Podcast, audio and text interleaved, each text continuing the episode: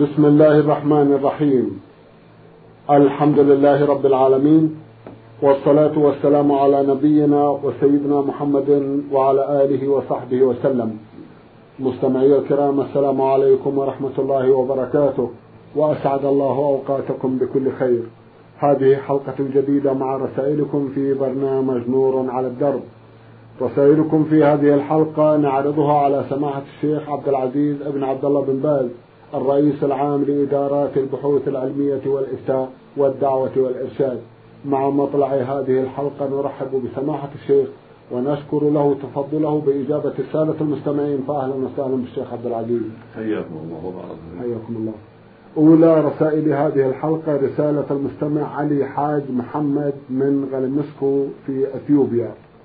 عرضنا بعض أسئلته في حلقة مضت وفي هذه الحلقة يسأل ويقول إذا انقطع المطر عن البلد يأخذ الفلاحون أصول الخشب اليابس على ظهورهم ويأتون به إلى بيت الحضرة التي يزورونها وهم يرتجزون به فغالبا ما يمطرون إثر مجيئهم بهذه الصفة أو يذبحون الشياه الأحمر أو الأسود ويضعون قوائمها أو فرسنها على شجرة يجتمعون تحتها. فيأتي طائر كبير من جهة القبلة فيأخذها ويأكلها فيمطرون. فربما لا يأكلها ولا يمطرون فيذبحون أخرى بزعم أنها لم تقبل منهم الأولى. ما رأيكم في هذا؟ جزاكم الله خيرا. هذا من البدع. لا لا بسم الله الرحمن الرحيم. الحمد لله وصلى الله وسلم على رسول الله وعلى آله وأصحابه. أما بعد هذا من البدع التي لا أصل لها في الشرع وإنما مشروع أن يستغيث المسلمون إذا أجدبوا وأن يدعو الله عز وجل ليسقيهم تارة في المساجد وتارة في البيوت وتارة بعد خطبة الجمعة في خطبة في أثناء خطبة الجمعة يدعو الإمام خطباء المساجد يستغيثون الله عز وجل وترى يخرج أمير البلد وأهل البلد المصلى من خارج البلد يصلي ركعتين. ويستغيث بالمسلمين إمامهم سواء كان القاضي أو غيره ويسأل الله الغوث كما فعل النبي صلى الله عليه وسلم. فإنه كان ربما استغاث في خطبة الجمعة عليه الصلاة والسلام وربما خرج إلى المصلى وصلى ركعتين وخطب الناس واستغاث لهم. هذا هو المشروع. وربما استغاث في غير صلاة كما وقع في بعض الأحيان في المدينة استغاث لهم في مجلسه عليه الصلاة والسلام. ولا مانع يستغيث الإنسان في بيت ويدعو الله للمسلمين. أو وهو الطريق يسأل الله أن يغيث المسلمين. كل ذلك لا بأس أما أن يأخذ خشب أو أشياء خاصة يحملها ويذهب إلى حضرة إنسان معين كأمير الملك أو قاضي البلد يرتجزون هذا لا أصل له. هذا من البدع والخرافات التي أحدثها الناس. أو يذبحون ذبائح يجعلون بعضها عند بعض الشجر أو عند بعض الجبال أو ما أشبه هذا كل هذا لا أصل لكن يشرع الصدقة. هم يتصدقون على الفقراء قبل الاستغاثة أو بعدها. يعني يتصدق أهل الغنى منهم بالفقراء والمساكين بالنقود بالطعام بالملابس هذا طيب. ومن أسباب الرحمة يقول الرسول صلى الله عليه وسلم من لا يرحم لا يرحم. والصدقة تكثر الخطيئة. والصدقة من أسباب الفرج ومن أسباب الإحسان كما قال عز وجل وأحسنوا إن الله يحب المحسنين. قال سبحانه إن رحمة الله قريب المحسنين. فإذا صدق المؤثرون على الفقراء وراسوهم قبل الاستغاثة أو بعدها فكل هذا طيب. ومن أسباب الغيث وهكذا الدعاء والاستغفار والتوبة إلى الله والصدق في ذلك والبكاء من خشيته جل وعلا والإكثار من العبادات والطاعات والحذر من المعاصي. كل هذا من أسباب الغوث. أما يحدث شيئا ما شرعه الله من حملهم الأخشاب المعينة أو أشجار معينة أو ذبائح تفعل على وجه معين تجعل رؤوسها أو أشياء منها في مكان معين عند بعض الشجر. حتى ينتج طائر يأخذها أو عند بعض الجبال أو بالذهاب إلى بعض المشايخ أو غير ذلك كل هذا لا أصل كله من البدع والخرافات. جزاكم الله خيرا. يسأل أيضا ويقول ما تقولون في قوم يجتمعون في بيت حضرتهم أو تحت الشجرة باسم من مات قبل قرون أو ما رأوها هم ولا آباؤهم؟ وإنما سموها هم وآباؤهم عبد القادر الجيلاني وشيخ حسين البالي وفلان وفلان. وإن أنكر عليهم منكر لا يقبلون عنه. يقول ما تقولون في قوم يجتمعون في بيت حضرتهم أو تحت الشجرة باسم من مات قبل قرون أو ما رأوها لا هم ولا آباؤهم وإنما سموها هم وآباؤهم عبد القادر الجيلاني وشيخ حسين البالي وفلان وفلان. وإن أنكر عليهم منكر لا يقبلون عنه بحجة أن العالم الفلاني لم ينكر عليهم وأن الكافرين الذين هم في زمن للرسول صلى الله عليه وسلم كفروا بعدم إيمانهم بالرسول ونحن نؤمن به وبما جاء به عليه السلام. فما تقولون في هذا أيضا جزاكم الله خيرا. هذا الاجتماع باسم الشيخ عبد القادر أو باسم الشيخ حسين بن فلان أو باسم البدوي أو باسم الحسين بن علي أو باسم علي بن أبي طالب أو باسم عمر أو باسم الصديق أو بأسماء أخرى أو باسم حضرته. كلمة حضرته هذه كلمة مجملة لا نعرف معناها.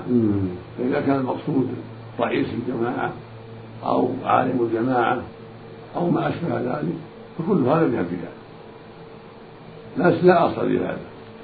وأن يجتمعون باسم الشيخ عبد القادر يدعون له أو يصلون عليه أو يتوسلون به. هذا لا أصل. ما كان الرسول يفعل هذا وأصحابه. إنما الدعاء للمسلمين لا بأس. يدعو العلماء المسلمين وإن كانوا ماتوا قديما.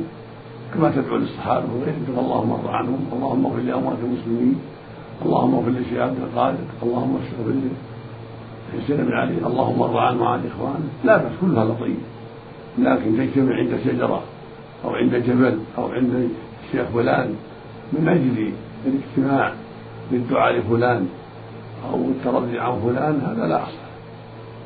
ويخص لهذا على هذا الوجه هذا من البدع. تدعو له وأنت في الطريق وأنت في المجلس العادي وأنت في بيتك لا بأس.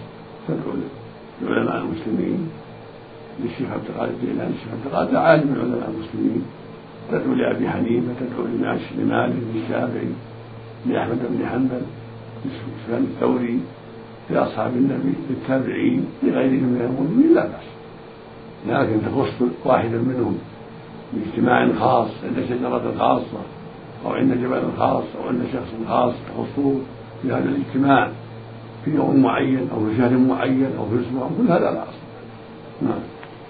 جزاكم الله خيرا. آخر أسئلته أيضا وكلها تدور في بحر العقيدة سماحة الشيخ يقول بقرة معتقة للزار لا يحرثون بها ولا يبيعونها ولا يذبحونها لأي ضرورة. أفيدونا عن حكم الشرع فيها؟ مأجورين جزاكم الله خيرا. هذا من جنس عمل المشركين الأولين الله أبطل هذا بقول ما جعل الله من بحيرة ولا سائبة ولا وصيلة ولا حام فلا يسيب بقر لا للزار ولا لميت فلان ولا لجن فلان ولا لغير ذلك. فالتسييب للزار تقرب للشياطين الزار شيطان. التقرب للشياطين بتسييب البقر أو الإبل شرك بالله وتشبه بالجاهلية. فلا يتقرب إلى الجن لا بتسييب ولا بذبح ولا بدعاء واستغاثة كل هذا من الشرك الأكبر فإذا قال يا الجن فلان أو يا سبعة أو يا تسعة خذوا فلان اذبحوه اقتلوه انصرنا على فلان اشفوا مرضانا من كذا كل هذا من الشرك كما لو قال يا سيدي عبد القادر انصرني أو يا سيدي الحسين انصرني أو يا سيدي البدوي انصرني أو المدد المدد أو يا سيدي حسين أو يا سيدي سفيان الثوري أو يا سيدي أبا أبي سيدي أبا حنيفة أو ما أشبه ذلك كل هذا من الشرك الأكبر. وهكذا لو قال يا رسول الله أو يا هود أو يا عيسى أو يا يا, يا نوح يا داوود انصرنا أو اشف مرضانا أو يا عائشة أم المؤمنين أو يا صفية أم المؤمنين أو يا فاطمة بنت رسول انصرينا أو أغيثينا أو المدد المدد أو ما أشبه ذلك مما يفعله المشركون كل هذا من الشرك بالله. كله كفر كفر وشرك أكبر. لا يجوز لا مع الصالحين ولا مع الطالحين. لا مع الإنس ولا مع الجن. نسأل الله السلامة. جزاكم الله خيرا. رسالة وصلت إلى البرنامج من جيزان وباعثها المستمع عبد الله المهدي صنقور. بعث يسأل ويقول ما حكم من حلف بالله كاذبا متعمدا؟ عند المزاح أو غير قاصد؟ نرجو التوجيه. جزاكم الله خيرا. لا يجوز الحلف بغير الله كاذبا ولا المزاح بذلك. وإذا كان على مال يأخذه صار أكبر. يقول النبي صلى الله عليه وسلم من حلف على يمين يقطع فيها مال ابن المسلم هو فيها كاذب لقي الله عليه غضبان. ويسمي العلماء هذه اليمين الكاذب هي من غموس لأنها تغمس صاحبها في الإثم ثم في النار. فلا يجوز للمؤمن أن يحلف كاذبا بل يجب أن يتحرى الصدق. النبي صلى الله عليه وسلم من حلف بالله فليصدق ولو بحال الصدق.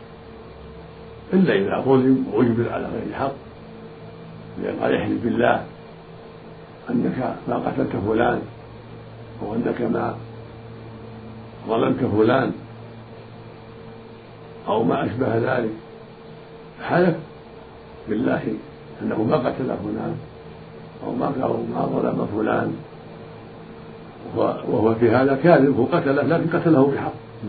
وأخذ ماله بحق. لم يقتله ظلما ولا ولم يقل ماله ظلما بل أخذ مالا بحق في البيع والشراء أو قتله بحق قصاص أو ما أشبه هذا من الحق.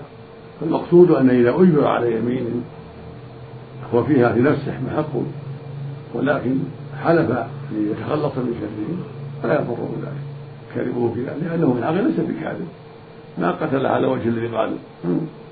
إنما قتله أو أخذ المال على وجه آخر صحيح. وهكذا إذا حلف بالله كاذبا ليخلص أخاه من شر. كأن يريد قتله بغير حق فيحلف بالله أنه أخوه أو أنه قريبه. يخلصه من شر هؤلاء الظلمة فلا بأس بذلك. جزاكم الله خيرا. من العراق بغداد الزعفرانية هذه رسالة بعث بها المستمع محمود. الأخ محمود له ثمانية أسئلة. في أحد أسئلته يقول جاء في صحيح البخاري حديث أن ابن عمر رضي الله عنهما كان يقتل الحيات كلها فقال له أحد أصحابه إن رسول الله صلى الله عليه وسلم نهى عن قتل جنان البيوت. سؤالي ما هي جنان البيوت؟ هذا صحيح. والذي نهى عنه أبو لبابة الأنصاري. وجنان البيوت هم المقيمون بها ساكنون في البيوت من الحيات. إذا الصحيح أن نقول جنان البيوت نعم. يستأذن وقال له إن عدت قتلناك ثلاث مرات. فإن عاد قتل. أمر النبي صلى الله عليه وسلم أن يحذر ثلاث مرات. وينذر ثلاث مرات فإن عاد قتل وأما إذا وجد في الصحراء أو في الطريق أو في المسجد يقتل لأنه يؤذي الناس. نعم. هناك حديث للرسول صلى الله عليه وسلم يقول فيه فيما يرويه ابن عباس أنه أمر أن يسجد على سبعة أعضاء في الصلاة ولا يكف شعرا ولا ثوبا. كيف يكون كف الشعر والثوب؟ وأنا أثناء الصلاة عندما أريد أن أسجد فإني أرفع البنطلون من ناحية الفخذ ثم أسجد. هل هذا يكون من كف الثياب؟ وهل كف الثوب والشعر مكروه أم محرم؟ الرسول صلى الله عليه وسلم قال هذا الكلام. قال إنه أمر يسجد على سبعة العظم وقال لا يكف شعره ولا فالمعنى أن المصلي إذا أراد يسجد وعليه شعر أو عليه عمامة لا يكفها عن الأرض. يسجد وتسجد معه. لا يكفها من أجل السجود خوفا عليها من التراب يسجد بها هذا المعنى. سواء كانت عمامة أو بشتا أو رداء أو غير ذلك. أو بنطلونا أو غيره يسجد عليه ويترك أطرافه. تسجد في الأرض. نعم. جزاكم الله خيرا. جاء في كتاب تلبيس إبليس روايات عن ابن عباس عن بداية عبادة الأصنام. هل هذه الرواية صحيحة أم لا؟ لا أذكرها لا أذكرها الآن جزاكم الله خيرا. هل سجود السهو واجب أم سنة؟ السهو واجب. الرسول أمر بذلك. نعم. إذا كان عن ترك واجب أو فعل محمود سهوا وجب. كما لو ترك الشهادة الأول أو جلس في الرابعة فنبه وقام إلى يكمل أو زاد ثالثة في الفجر أو رابعة في المغرب أو خامسة في العشاء ونحوها. فإذا يسجد السهو نعم جزاكم الله خيرا. هل عيادة المريض واتباع الجنائز واجب أم سنة؟ لأنه يبدو من الأحاديث أنها صحيحة. والصحيح قال الحديث هذا صحيحة. ومستفيضة عن النبي صلى الله عليه وسلم. والمعروف عند العلماء أنها سنة مؤكدة. والقول بالوجوب قول قوي لأن الرسول أمر بالعيادة المرضى. فأقل شيء مرة واحدة. فينبغي المؤمن إذا عرف أخا له مريض أن يعوده قال الرسول عودوا المريض.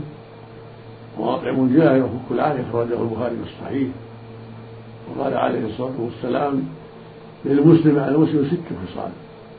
إذا لقيته فسلم عليه وإذا دعاك فأجبه وإذا استنصحك فانصحه وإذا عطس وحمد الله فشمته وإذا مرض فعوده وإذا مات فاتبعه. فيأتي المرضى من آكد العبادات. نعم.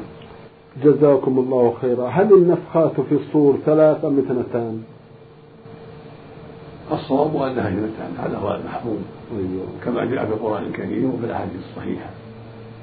نفخة الفزع وهي نفخة الصعق والموت والثاني نفخة البعث. فالأولى يقال لها نفخة الفزع ويقال لها نفخة الصعق ويقال لها نفخة الموت. سمى بأسماء. وهي مذكورة في قوله جل وعلا. فإذا نفخ في الصور فلا أنساب بينهم ولا تساءلون وهي مذكورة في قوله جل وعلا وينفخ في الصور ففزع من في السماء إلا من شاء الله وكنا تكون داخلين وقال آخرون إنها ثلاث نفخة الفزع يفزع الناس ولا يموتون. ثم نفخة الصعق والموت. ثم نفخة البعث وجاء هذا في حديث الصور من حديث إسماعيل بن رافع الأنصاري ولكنه ضعيف. والصواب أن نفختان نفخة الفزع يمدها إسرائيل يمدها طويلا. فأول ما يسمعها الناس كل من سمعها يصغي ليتا ويرفع ليتا. يعني يصغي عنقه هكذا وهكذا يستمع. ثم لا يزال يمدها حتى ترتفع وحتى يصعق الناس ويموتوا نعم. جزاكم الله خيرا. قال رسول الله صلى الله عليه وسلم إذا أراد أحدكم أن يمدح أخاه فليقل أحسب كذا وكذا ولا يزكي مع الله أحدا وحسبه الله. فهل هذا الحديث يدل أنه على كل إنسان إذا أراد أن يمدح أخاه أن يقول أحسب كذا وكذا إلى آخر الحديث؟ الحديث صحيح وهذا صريح فيه الحديث صحيح وهذا صريح فيه لكن ظاهره الاستحباب. لأنه ثبت عن النبي صلى الله عليه وسلم أنه زكى باليقين ولم يقل أحسبه كذا وكذا. فالأمر في هذا واسع إن شاء الله. وإذا قال أحسبه كذا وكذا كان هذا هو الأفضل.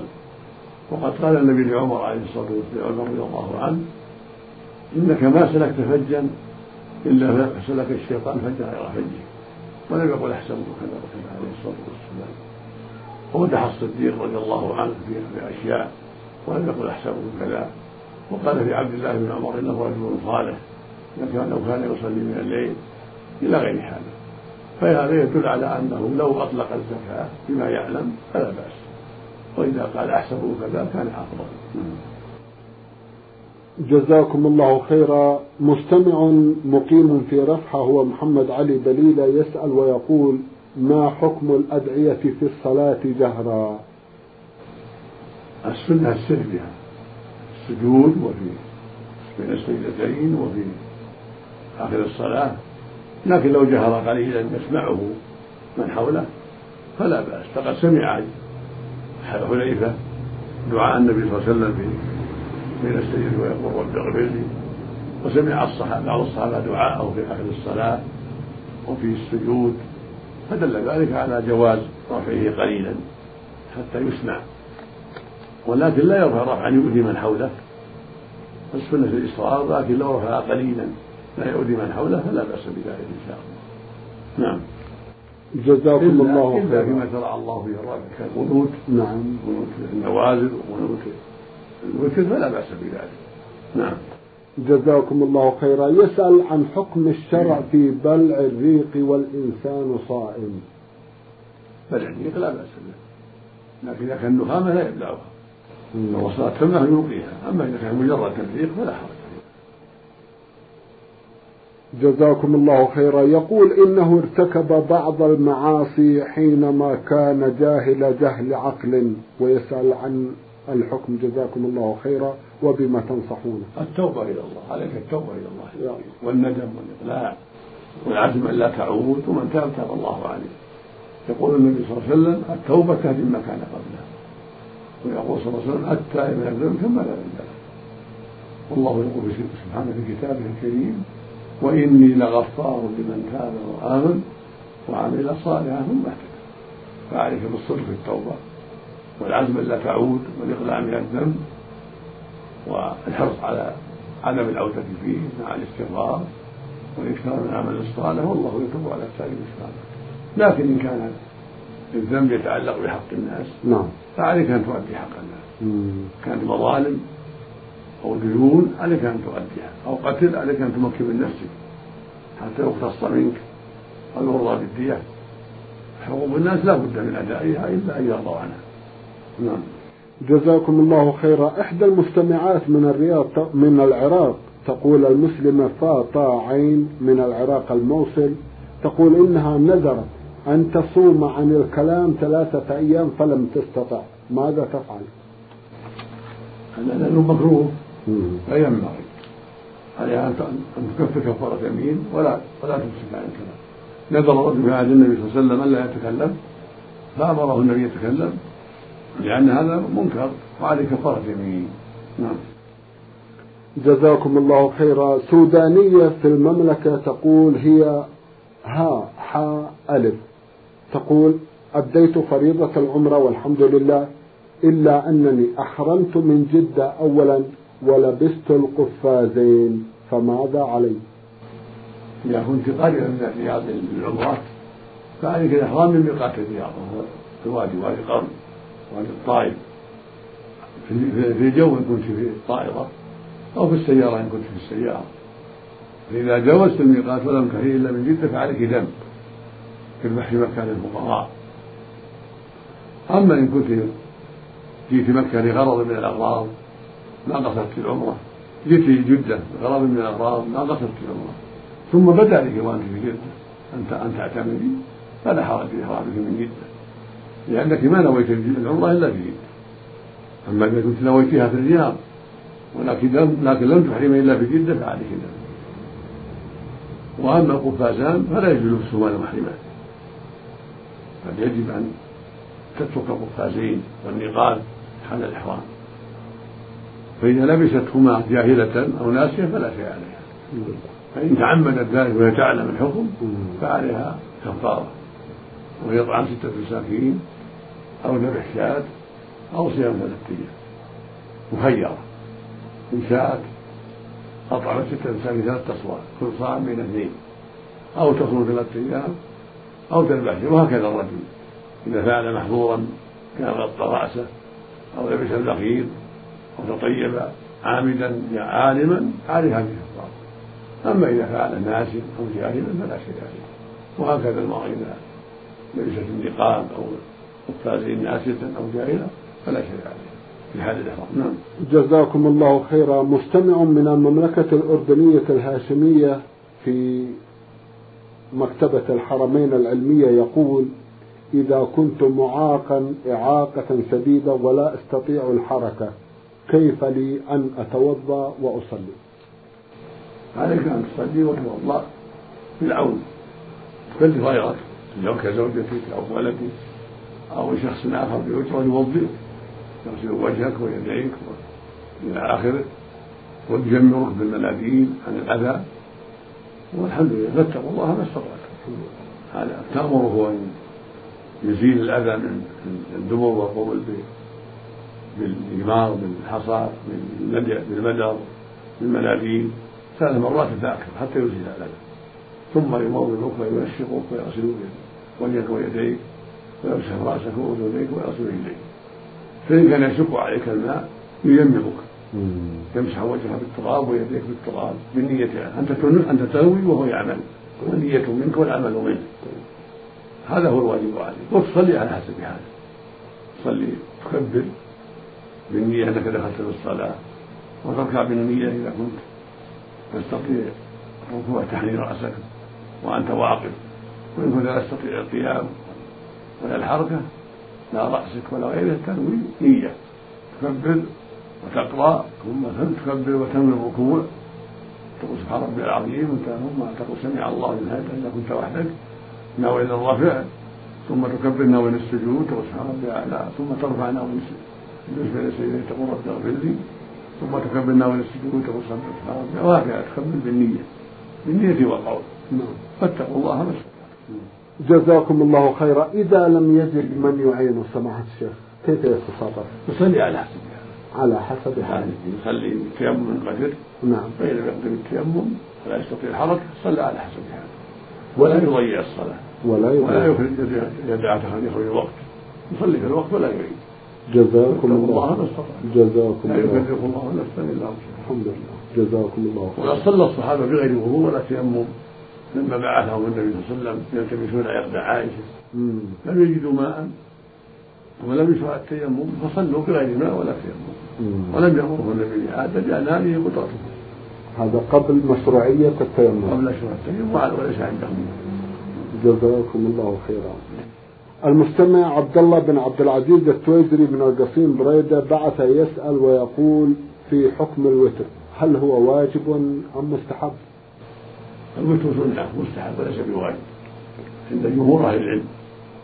لأنه صلى الله عليه وسلم ما سئل بعدما أخبر المسلمين في الصلوات الخمس قال بعض بعضهم هل هل علي غيرها؟ قال لا إلا أن تطوع. فالوتر والسنن الراتبة كلها مستحبة. وهكذا صلاة الضحى كلها مستحبة. نعم. جزاكم الله خيرا. في الركعة الثالثة أو الرابعة أكون قد انتهيت من قراءة الفاتحة والإمام لم يركع بعد. هل أعيد قراءة الفاتحة أم أقرأ سورة أخرى؟ تقرأ ما تيسر أو تسكت. ولا تعيد الفاتحه تقرأ ما إيه أو ايتين أو تسكت حتى يكمل جزاكم الله خيرا. كذلك في التشهد.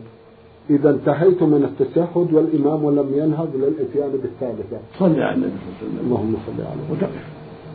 أو تعيد الصلاة على النبي صلى الله عليه وسلم أو تعيد التحيات. نعم. جزاكم الله خيرا. أحد السادة المستمعين يسأل ويقول أرجو شرح هذا الحديث. عن أبي هريرة رضي الله عنه أن رسول الله صلى الله عليه وسلم قال من القرآن سورة ثلاثون آية شفعت برجل حتى غفر له وهي سورة تبارك الذي بيده الملك. أرجو أن تبينوا لنا صحة هذا الحديث. الحديث معروف عن النبي صلى الله عليه وسلم. ولا أعرف الآن حال صحته. ولو صح فالمعنى أن شفعت لأنه عمل بمقتضاها عمل بمقتضاها فأطاع الله وحده واستقام على أمره فعمل ما تقتضيه من طاعة الله ورسوله. أما لو قرأها ولم يعمل بها ما تنفعه حتى لو قرأ القرآن كله ولم يعمل به لا يشفع له. الرسول يقول القرآن حجة لك أو عليك. يعني حجة له يعمل به وعليه لم يعمل. هكذا هذه السورة لو صح الحديث فإن المعنى أنها شفعت لأنه عمل بها. وعمل بمقتضاها هذا هو الذي تشفع له ويشفع له القرآن كله إذا أدى حقه. جزاكم الله خيرا. سماحة الشيخ في الختام أتوجه لكم بالشكر الجزيل بعد شكر الله سبحانه وتعالى على تفضلكم بإجابة السادة المستمعين. وآمل أن يتجدد اللقاء وأنتم على خير. اللهم مستمعي الكرام كان لقاؤنا في هذه الحلقة مع سماحة الشيخ عبد العزيز ابن عبد الله بن باز. الرئيس العام لإدارات البحوث العلمية والإفتاء والدعوة والإرشاد. شكرا لمتابعتكم وإلى الملتقى وسلام الله عليكم ورحمة وبركاته.